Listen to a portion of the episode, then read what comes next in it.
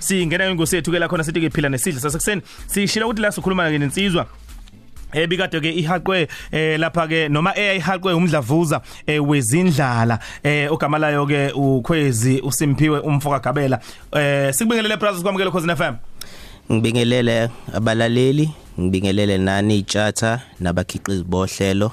Ngibingelele abalaleli eNingizimu Afrika nasemhlabeni yonkana igama ukhwezi.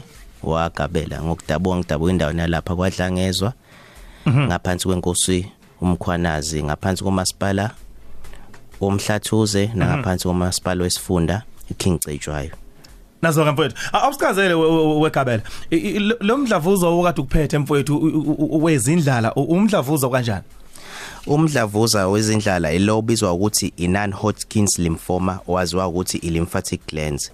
Lo mdlavuza lo kuwanda lezi icubu kukhona kuma lymphatic cells ezivele isabalale iphinda phindeke zibe yiningi lapha na emzimbeni zibe ngaphezulu kwesibalo esifunekayo eyikusuke idala umonakalo othize. Lo mdlavuza impawu zakhona ukuvuvuka kweindlala lokho kuthiwa ama swollen lymph nodes ifever ukuba nemfiva uyashiselwa ubhlungu esiswini kanye nasesifubeni ngoba owami waqala uyisifo sofuba lokuthi kuthiwa i-TB of the lymph nodes. Ngoba ngaqala ukukhwehlela ngo- ngondase ngonyaka 2005 kodwa kwathi sekuyophela unhlabo ku May ngaqala ngakhwehlela igazi ngajuluka ngehle emzimbeni ngisokola nasekuphefumuleni. Ngisafunda le Midrand Graduate Institute lapha eGoli ngangenza iBcom Tourism Management. Yeah. mangibuya ekhaya ngomhla ka11 kunhlangulano kuJune ngikade ngibuye eGoli kuyofunda sikade sibhekene nengozi esihamba neGreyhound sibuyele emakhaya lapho ndini ngase 19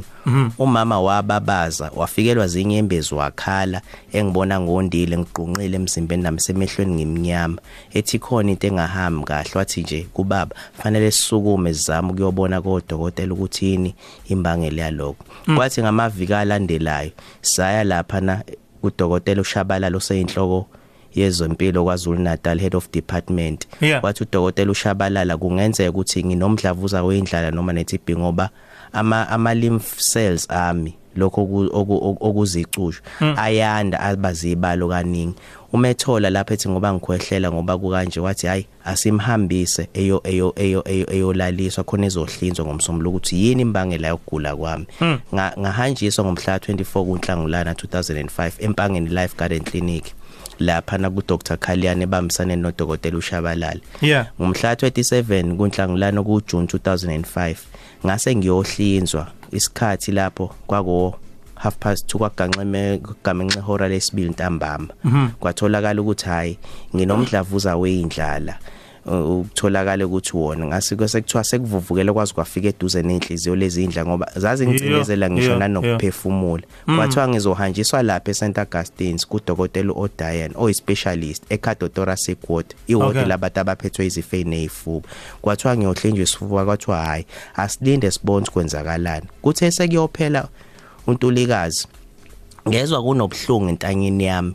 Ngingasalali ngihlezi ngikhala ngithi ngibeka ama ice ancibilike kubhlungu ziyanda lezi indlala ziyasabalala kanye zi- zi- ziyasabalala nje impela zenza intamo yami ivuvuke ibe bhlungu angikwazi ukulala. Makuyo makumaphakathi noOctober oku okumfumfu wathi udokotela makwenziwa?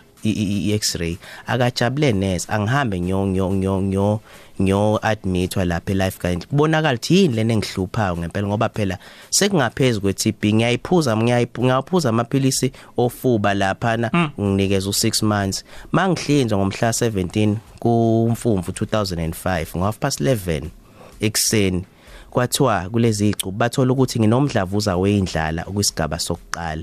Yabona ngathi mangizo mangizothuthwa ngiswa lapha eParklands oncology ward lapho kwakunodokotela uPilay udokotela uKellis udokotela uDebrain udokotela uYusta bathi nginomdlavuza.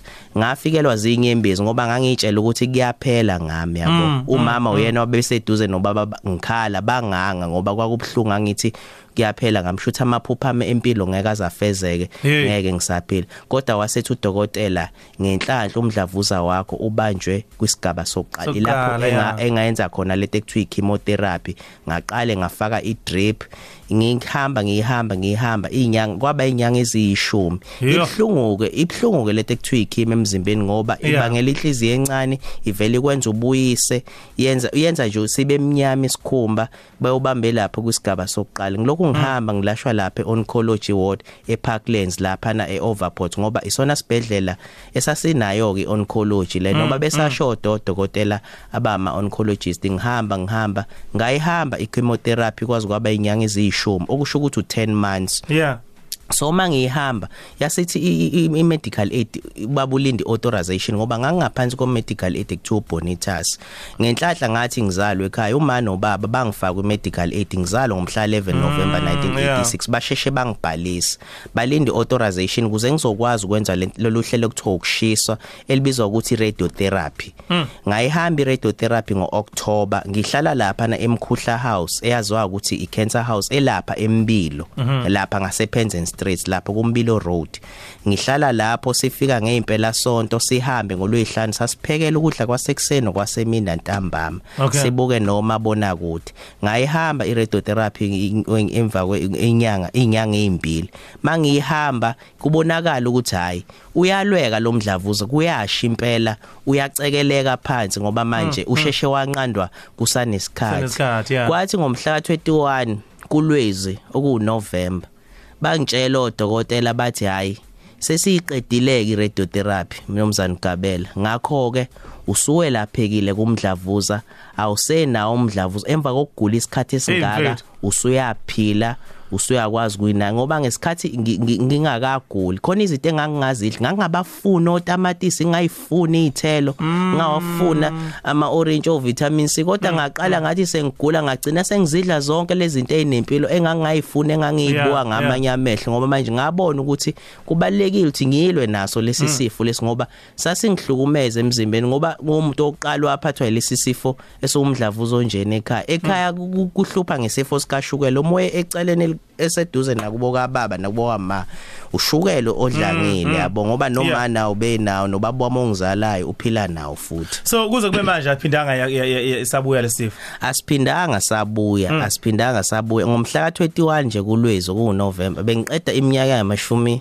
eyishumi eyishumi eyishumi nantathu. Ngalapheka kulesi sifo okuyisifo Kuhle, esinzima kakhulu ngoba inkinga yomdlavuza ukuthi uma usubamba esigabeni sesine awubusalapheka ngoba usuke usuqala ususabalala ingxenye eziwafu omzimba yeah so so mhlawumbe ungathini kubantu u- ukubakhuthaza nje ukuthi bahlolele i- i- izifo enjengalezi kusenesikhathi eh kubalekile ukuthi siyithande singabantu sihlole ukuthi yini lesuka isihlupho emzimbeni noma bekuthiwa ubhlungu obungakanani ngoba izifo eziningi ziyacasha. Yabo kuyenzeka ukuthi mhlawumbe singanaki sihlole sizazi ukuthi siphila kanjani singabantu nanokuthi futhi sinjani ngokwesimo sempilo nanokuthi futhi uma usu ususitholile ukuthi unesifo esithile esik- esikhahlamezayo enyameni noma emzimbeni akusho ukuthi sekuyisigwebo sentambo sokuthi usuzohamba emhlabeni. Usengaphila okubalekile ukuthi ulwe naso wenze ucwaningo uhlole igazi uhlole nanokuthi sihambe saze safika phi ukuze silaphe kuphila ngoba